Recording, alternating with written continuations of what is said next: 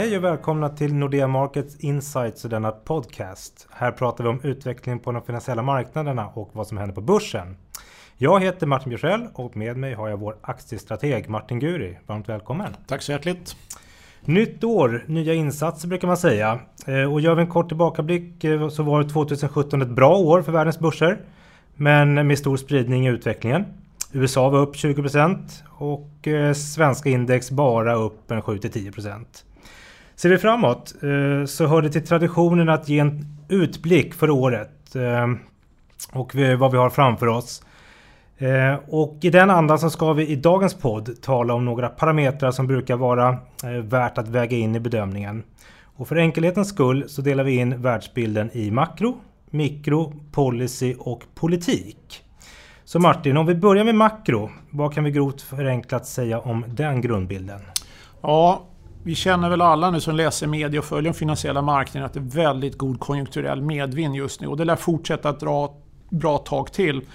Tittar man då på prognoserna vad det gäller BNP-utveckling och tittar på världens näst största ekonomi till att börja med, Kina, så tror jag att de kommer leverera ett mål här snart på ungefär 6,5% eller rättare sagt minst 6,5% de kommande åren.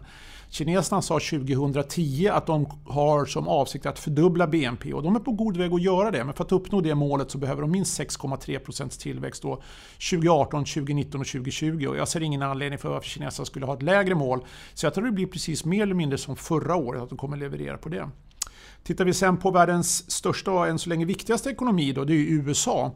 Där är grundbilden det att eh, man räknar väl med att eh, den här konjunkturcykeln ska pika då, eller nå sin topp i fråga om tillväxttakt någon gång nu under första halvåret. Eh, det här kan ju dock ändras för att eh, precis före jul då, då gick ju de här skattesänkningarna igenom och Konsensus räknar väl med att skattesänkningarna ska väl bidra till att öka BNP-tillväxten ungefär 0,4 under året. Och är det så att större delen av den här ökningen då ska komma under andra halvåret då kommer ju självklart den här profilen på toppen i konjunkturen att skjutas framåt i tiden. Bortsett ifrån det då, så innan skattesänkningarna så var förväntningarna att tillväxten i USA skulle hamna kring 2,5 ungefär. Och i dagsläget då så får vi räkna med att den här siffran kommer höjas ungefär till 2,8 till 2,9 under året. Så det är ingen sån här jättestark utveckling utan något starkare än man hade räknat med tidigare. Men profilen är lite eh, osäker här just tack vare skattesänkningarna då som sagt var. För Europas del så är det ganska spännande. Om man tittar på den kvartalsvisa profilen som eh, prognosmakare och analytiker då ställer upp så pekar den faktiskt på att toppen i tillväxttakt, toppen i styrka i tillväxttakten, piken, det har vi redan bakom oss. Den hade vi faktiskt under andra halvåret i fjol. Och härifrån är det faktiskt bara gradvis neråt. Och det där är lite spännande och utmanande rent eh, intellektuellt med tanke på att många ledande indikatorer då, som Manufacturing PMI och, eh, och många sentimentsindikatorer fortfarande pekar uppåt och till och med lite högre än vad de var i slutet av året.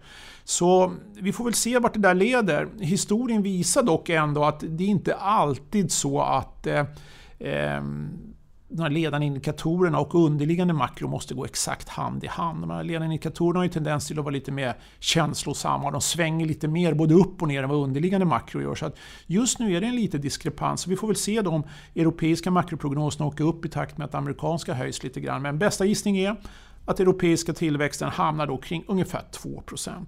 Så det är de tre största ekonomierna om vi tittar på BNP-nivå. Tittar man sen på ledande indikatorer som är av stort värde att följa faktiskt så kan man väl konstatera då att de här tillverkningsindustri inköpschefsindexarna, då manufacturing PMIs globalt, är på flera års högsta. De är på flera års högsta i Europa, de är på mycket goda nivåer i USA men i Asien och i Latinamerika också så är de på goda nivåer.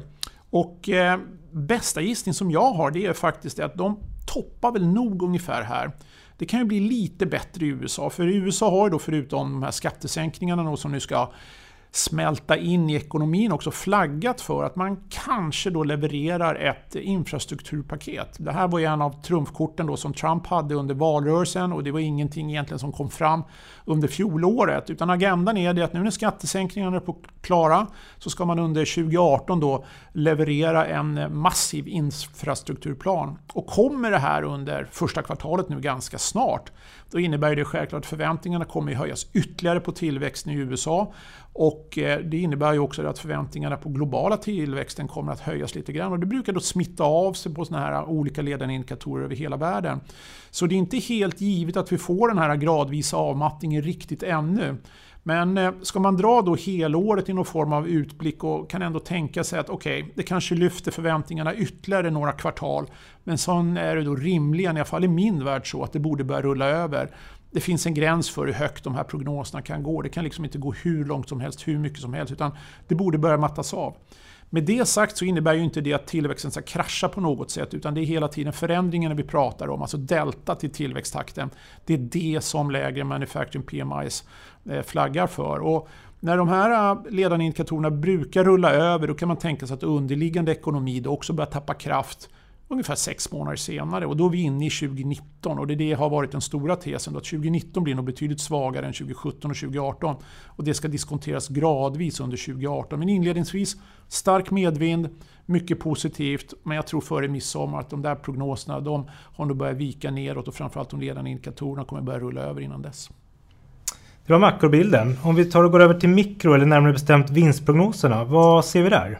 Ja, det är faktiskt väldigt lovande där också. Om man tittar på de underliggande prognoserna så är det mest signifikanta under de 12 månader som har gått, det är att prognoserna inte har kommit ner. Under 2015 och 2016 så rasade ju prognoserna stort och det var, man kan säga en minikonjunktursvängning. Men Tittar man då för Nordens del mellan 2017 och 2018, då det här kalenderåret som vi har framför oss, så ska ju vinsterna upp, ja, någonstans 10% skulle jag säga i runda slängar och det kan man också säga gäller då för Europa och världen i stort. USA dock ligger lite högre, de ligger ungefär på 12% för vinst, förväntad vinstökning. Och här är lite spännande igen då för att det är den vita svanen. Om de här skattesänkningarna nu eh, slår igenom på det sättet man hade tänkt då, att den synliga skatten då för S&P 500 går ner från 28 till 21 procent, då är det 7 procentenheter och det ska ju så att säga läggas på de befintliga 12 och då är vi nästan uppe i 20. Sen kanske det blir då lite skatteamnesti, blir lite repatriation av sådana här utländska vinster så kan det bli ännu mer. Om det dessutom så läggs på någonting i infrastrukturpaketen som redan slår igenom det här kalenderåret så kan det bli ytterligare högre. Så det som kommer dra det här och som verkligen har enorm medvind så är det ju utvecklingen i USA det här kalenderåret. Så utgångspunkten är nu 12 det kan gott och väl komma upp i 15-16 och det kommer lyfta då globala vinsttillväxtprognoserna ja, i storleksordningen från dagens 11 upp till 13, kanske 14 procent. Och backar man då bandet och ser lite grann, vad betyder det här då? Ja, har vi samma P-talsvärdering, vi värderar vinsterna lika högt om ett år, ja då ska globala index gå lika mycket. Och eh, snackar vi då bortåt 14% på ett kalenderår så är det fantastiskt bra. Och då spelar det inte så stor roll hur det går i Sverige eller specifikt i någon speciell sektor utan helheten kommer lyfta. Så det ser ovanligt bra ut men som sagt var, det ska vara ett toppår vad det gäller konjunkturen och också vinsterna. På baksidan av det här då så känner väl vi lite grann dock att kanske förväntningarna är lite för höga. Och det är när man tittar på förväntningarna om antalet bolag som ska få högre marginaler. Och det är så när man tittar både i Europa, USA och i Norden så förväntas drygt 80% av alla bolag få bättre ebit-marginaler både 2018 och 2019. Och det där känns ju lite väl kraftigt. Ett bra konjunkturår som vi har bakom oss är ungefär 60-70% av bolagen får högre och att det skulle bli ännu bättre nästa år, det känns lite stretchat. Med det sagt då, så är väl de här grundprognoserna om runt 10% kanske lite för höga. Och vore det inte för det som sker i USA så skulle jag rakt ut säga att det är alldeles för höga prognoser så räkna med att det inte blir runt 10% utan kanske 7 eller 8. Men nu kommer nog den här äh, extra Eh, skjutsen från USA då kompensera väl kanske för sänkningarna i andra länder. Så att eh, underliggande faktiskt ett väldigt bra vinstår har vi framför oss. Och tittar vi sen på helåret då är frågan när börjar då marknaden diskontera ett svagare 19? För det är tydligt att prognosen kommer rulla över 19 och det är det som är det svåra. Men jag, jag tror nog under första halvåret i alla fall, då kommer det hålla. Sen får vi se. Så makro och mikro ser bra ut. Vad ska man säga om policy då? Alltså vad centralbankerna kan tänkas göra? Det brukar ju vara viktigt. Ja, det är väldigt viktigt också för det är precis här den stora skillnaden brukar vara. Man brukar slarvigt säga då liksom att det är eh, centralbankerna som skapar bubblor eller uppgångar och det är också centralbankerna som punkterar det här. Och det här är ju krafter som rör sig väldigt långsamt över tiden och är man väldigt nära marknaden och följer det här väldigt tätt som vi gör i det dagliga arbetet och som investerare man kanske följer också på daglig basis så uppfattar man inte de här nyansskillnaderna.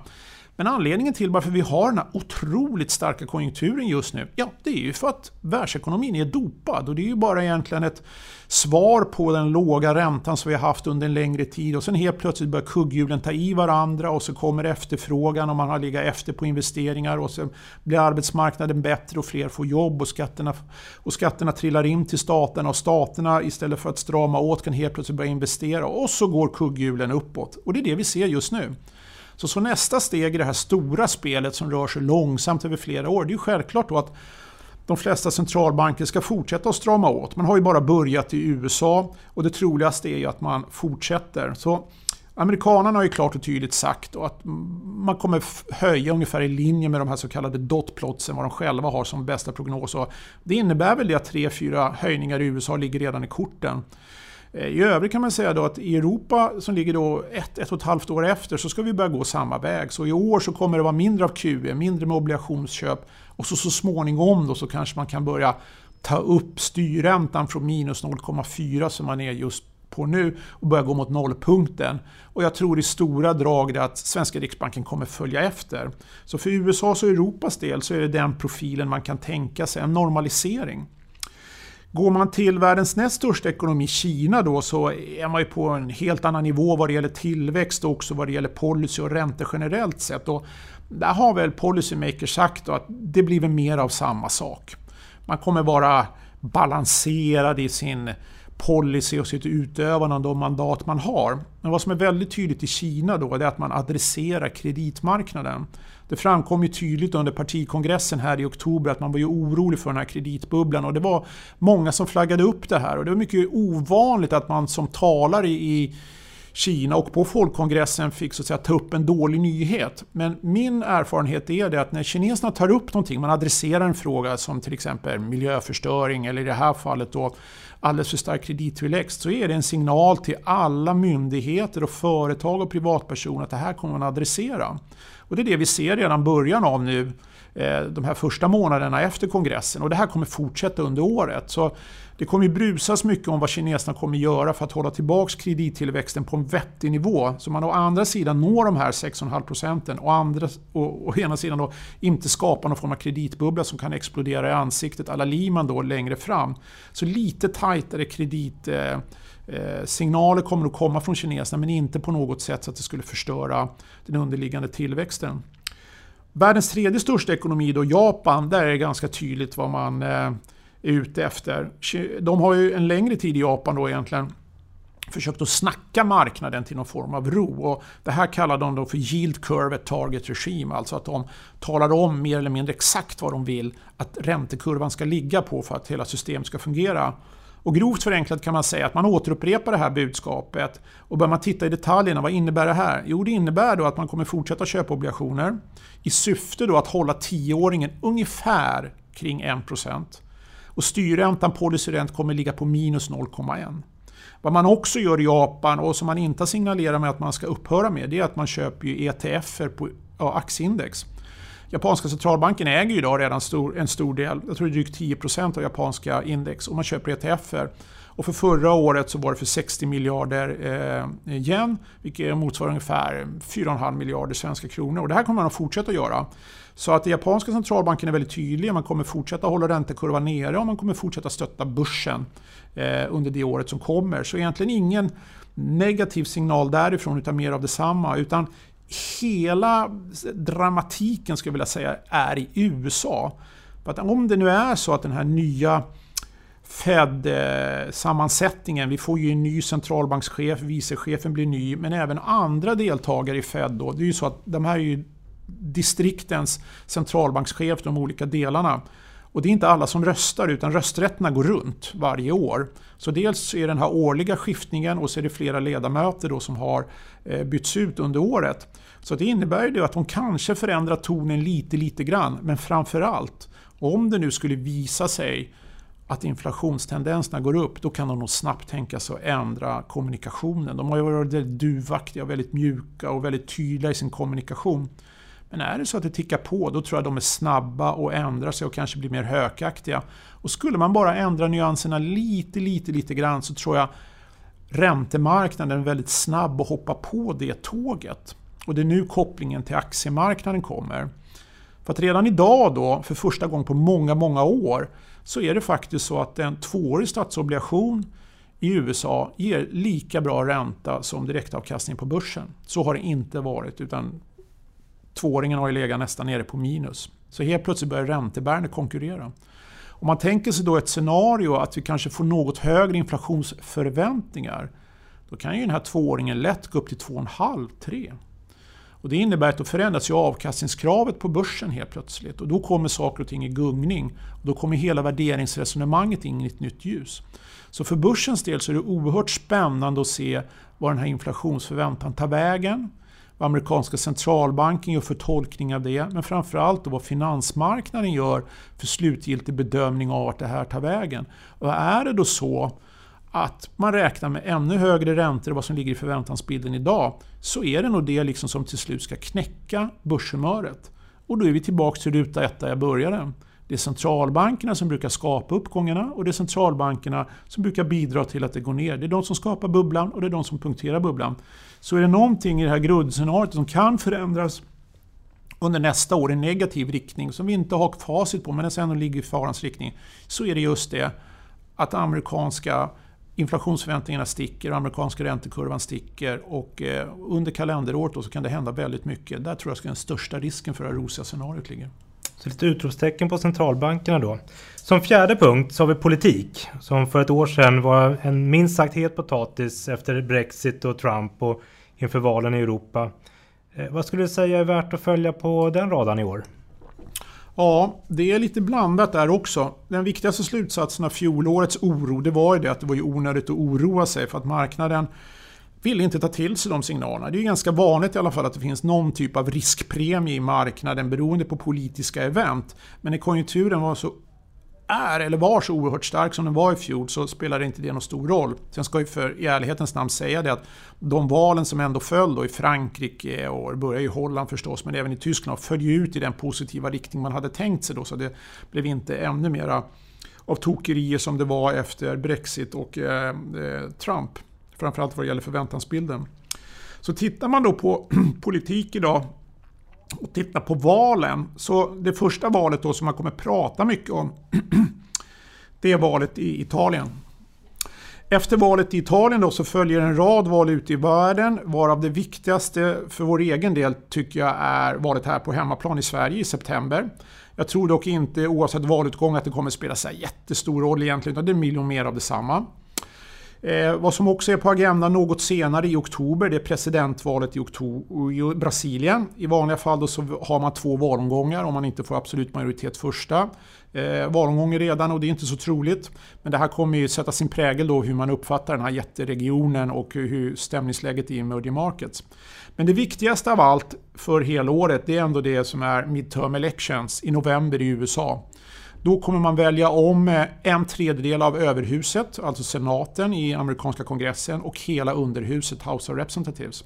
Och själva poängen är ju det att idag har vi republikansk majoritet i kongressen. Både eh, överhuset och senaten och underhuset House of Representatives är ju republikanskt samt att vi har en republikansk president. Och det innebär ju att de kan genomföra sin politik.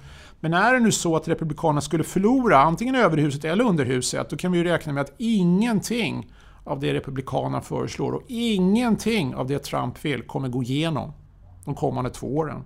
Utan då blir det det man nog kallar för lame duck period. Det kommer inte hända så värst mycket. Man kommer inte kunna styra över politiken på hemmaplan för att självklart kommer det vara så att Demokraterna kommer säga nej till absolut allting. Och då kommer troligtvis Trump ägna all sin energi åt utrikespolitik och handel, vilket han fortfarande har inflytande över. Och just handel är ett sådant område då som leder tankarna till NAFTA. Man håller ju på att riva upp NAFTA. Och vad man har sagt från administrationens sida i USA det är att under Q1 nu eh, i år så ska det komma någon form av variant eller nytt förslag på hur man ska hitta en lösning på NAFTA. Så det har man sagt. Om det blir bra av eller inte, det är väl fortfarande skrivet i stjärnorna. Men någon form av deal så ska man ju nå där. Och det har också stor påverkan. Jag tror jag har talat om det tidigare. Många företag i USA är oroliga för att de ska drabbas av högre kostnader för gods som kommer utomlands ifrån. Framförallt det som är producerat i Mexiko. Eh, och det är en verklighet då som måste eh, anpassas till och framförallt kan det påverka då vinstprognoserna för många av de här bolagen. Många nordiska bolag importerar ju väldigt mycket också. I övrigt om man tittar på den stora agendan så är det då eh, stora kongressen och nationalkongressen som de har varje år i Kina då i mars. Och då brukar man vara mer detaljrik vad det gäller alla de här målen då, som jag tror som sagt var minst 6,5% på BNP, så kommer man tala om inflationsmål, hur många som ska få jobb, hur mycket man ska investera och så vidare. Och så vidare. Och det tror jag också kommer att vara en sån här viktig hållpunkt då, att hålla ögonen på. Men som sagt det kommer i mars och när kineserna har sagt det där, då har vi nog spelplanen för resten av året eh, klara för oss, vad det gäller den politiska agendan. Sen kan det alltid ske geopolitiska missöden. Man har ju talat hela förra året då om eh, Nordkorea som ett hot. Men just i de här dagarna så är det glädjande då att Nordkorea sätter sig ner med Sydkorea för första gången på många, många år och börjar prata om deltagandet i OS. Och det här är en typisk sån dörröppnare som faktiskt kan leda någon vart i en mjukare riktning. Så att eh, kanske just den spänningen på geopolitiska området och, och Nordkorea då som hot faktiskt lugnar ner sig lite grann. Och det vore ju tacknämligt. Avslutningsvis, om du med några korta meningar bara skulle summera upp prognosbilden och försöka måla upp en profil för året. Hur skulle den se ut? Ja, den skulle se ut som så att den starka medvinden som vi upplever just nu konjunkturmässigt kommer fortsätta i god fart en bra bit in i nästa år. Men jag tror redan före midsommar så kommer många ledande indikatorer börja rulla över och gradvis under andra halvåret så tror jag finansmarknaden generellt sett och framförallt aktiemarknaden kommer börja diskontera ett svagare 2019 med allt vad det innebär. Och det innebär att man kommer söka sig till andra typer av aktier, man kommer söka annan exponering. Och sen beror det väldigt mycket på hur mycket inflationsimpulser det kommer i marknaden, hur aktiemarknaden totalt sett eh, kommer att reagera. Men prognosbilden underliggande när vi börjar här året ser alldeles lysande ut, det måste man ju faktiskt säga. Det händer alltid något på börsen, det vet du med säkerhet. Jag tackar dig Martin för den här analysen. Om du som lyssnar vill veta mer om vad som händer på de finansiella marknaderna så hittar du fler analyser på vår hemsida nordeamarkets.com. Tack för att du har lyssnat. Tack så hjärtligt.